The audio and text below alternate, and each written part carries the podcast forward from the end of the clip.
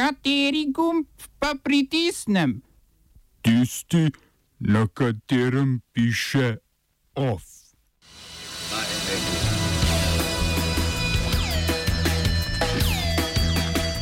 Selitev migrantov iz taborišča Vučjak preložena. Iranski predsednik Rohani s proračunom odpora proti ameriškim sankcijam.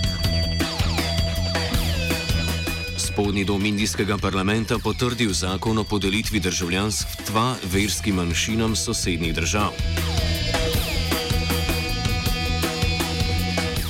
V kulturnih novicah pa ženska telesa v stari mestni elektrarni.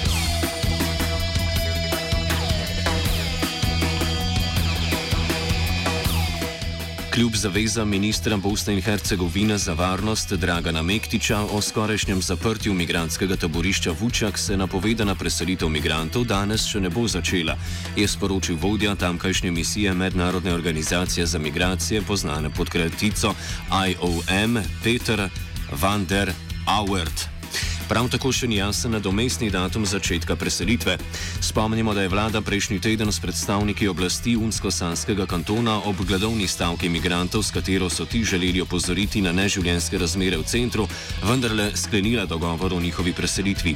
Med 500 in 600 imigrantov naj bi začasno nastanili v znosnejše prostore, kasneje pa v nekdanjo vojašnico v Blažuju pri Sarajevu, ki jo trenutno v ta namen tudi preurejajo. Kljub obisku komisarke Sveta Evrope za človekove pravice Dunje Mijatovič v Bosni in Hercegovini, novi premijer Zoran Tegeltija ostaja neomajen pri svoji napovedi, da migranti ne bodo ostali v državi, tudi če bo Evropska unija za to zagotovila zadostna denarna sredstva.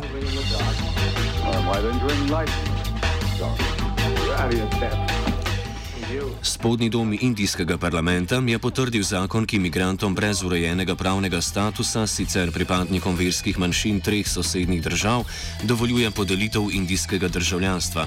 Amandma državljanskemu zakonu iz leta 1955 omogoča podeljevanje državljanstva na osnovi vere, torej hindujcem, budistom, držajinistom, kristjanom, sikhom in parsjem, ki jim v matičnem Pakistanu, Bangladešu ali Afganistanu grozi pregon. Pogoji za naturalizacijo se skupno 12 let prebivanja v Indiji znižujejo na 6 let, pri čemer mora prosilec za državljanstvo tam neprekinjeno bivati vsaj zadnje leto.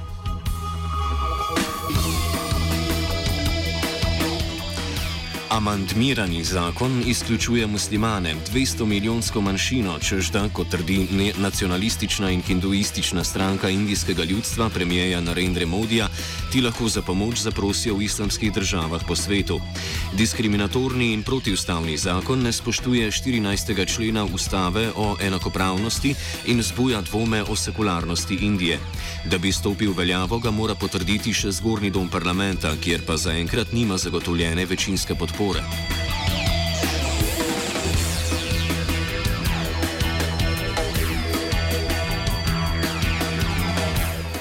Iranski predsednik Hasan Rohani je v tamkajšnjem parlamentu predstavil predlog tako poimenovanega proračuna odpora v višini 35 milijard evrov, s katerim se bo Iran boril proti sankcijam Združenih držav Amerike.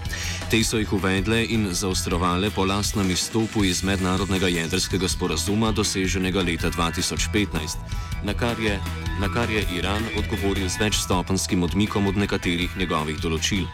Čeprav ameriške sankcije obsegajo več panog, so najbolj prizadele naftno industrijo, ključni del iranskega gospodarstva. Zmanjšali so se izvoz in uvoz ter pretok denarja, inflacija pa je presegla 40 odstotkov. Tako so se zvišale cene osnovnih življenjskih dobrin in storitev, brezposelnost v 80 milijonski državi pa znaša prek 10 odstotkov. Prvi ukrep v boju proti sankcijam, zvišanje cen goriva za polovico, je konec prejšnjega meseca sprožil množične proteste na kateri so udeleženci zažigali benzinske postaje in se spopadali s policijo. Ob zatrtju protestov naj bi bilo ubitih več kot 200 ljudi.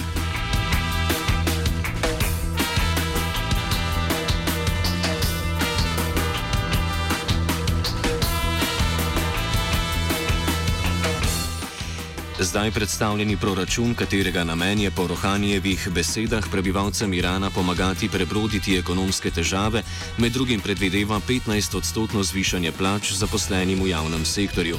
Izpad prihodkov od prodaje nafte, ti naj bi se po predvidevanjih zmanjšali za 40 odstotkov, bi v proračunu nadomestili z izdajo obveznic in prodajo državne lastnine.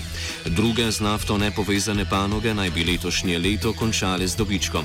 Predlog proračuna za finančno leto, ki se bo začelo marca, mora sicer potrditi še parlament.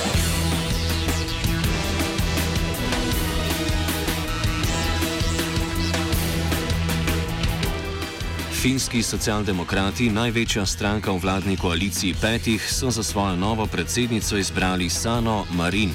Dozdajšnja ministrica za promet, ki bo zamenjala Antija Rino, ki je po izgubi zaupanja v koaliciji zaradi spornih varčevalnih ukrepov pri reformiranju državne pošte odstopil, bo po pričakovani potrditvi parlamenta 34 leti po postala najmlajša premijejka na svetu.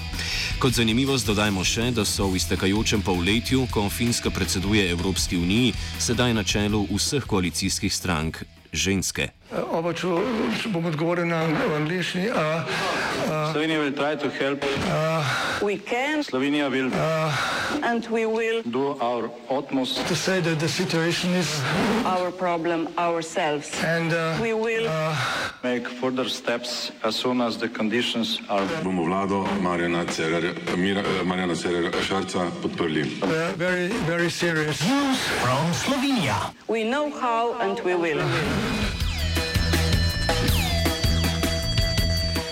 Občani Tišine so na pobudo tamkajšnje civilne inicijative za obnovo in ureditev državnih cest Petanci Gederovci in Murska sobota Krajina s prehajanjem čez prehod za pešce za eno uro protestno ustavili promet v krožišču v Gederovcih.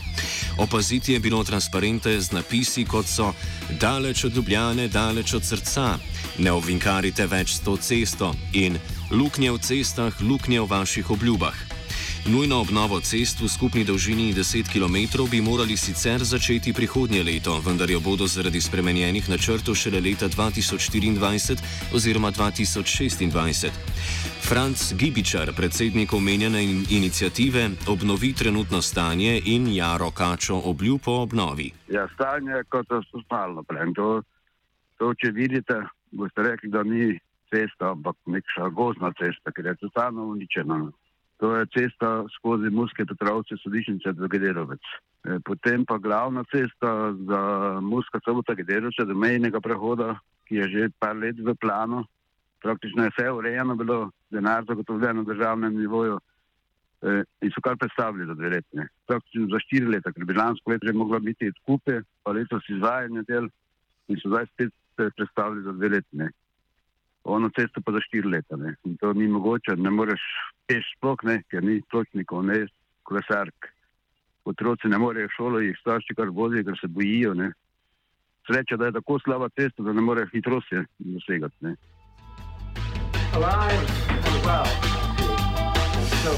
Zahteve občanov podpira tudi župan občine Tišina Franz Horvat. Cesta je bila nekdaj v občinski lasti, na to pa so jo ob gradnji pomorske avtoceste podržavili in tja preusmerili tranzitni in tovorni promet. Koliko pa je država vlagala v vzdrževanje ceste? totalno nič. To so neke krpe dajale, zdaj naprimer zadnje tri leta niti banki niso nalažili.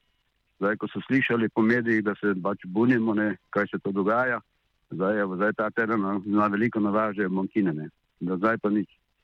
Drugače pa so totalno uničene. To je jama na jame. Krpa na krpe, tako. Težko je, naprimer, že če gre kakšen kombajn, bože sačuva dva tovornjaka, komaj se srečati. Ker ni zelo široka, ne, bankine so pa neutrjene.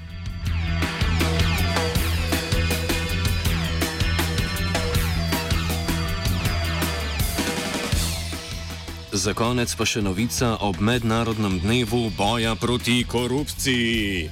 Boris Štefanec, aktualni predsednik Komisije za preprečevanje korupcije, je najavil kandidaturo za vnovičen šestletni mandat na čelu komisije.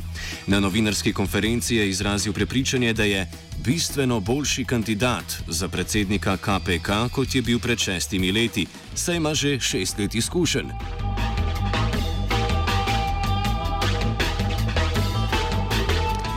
OF je pripravil žiga.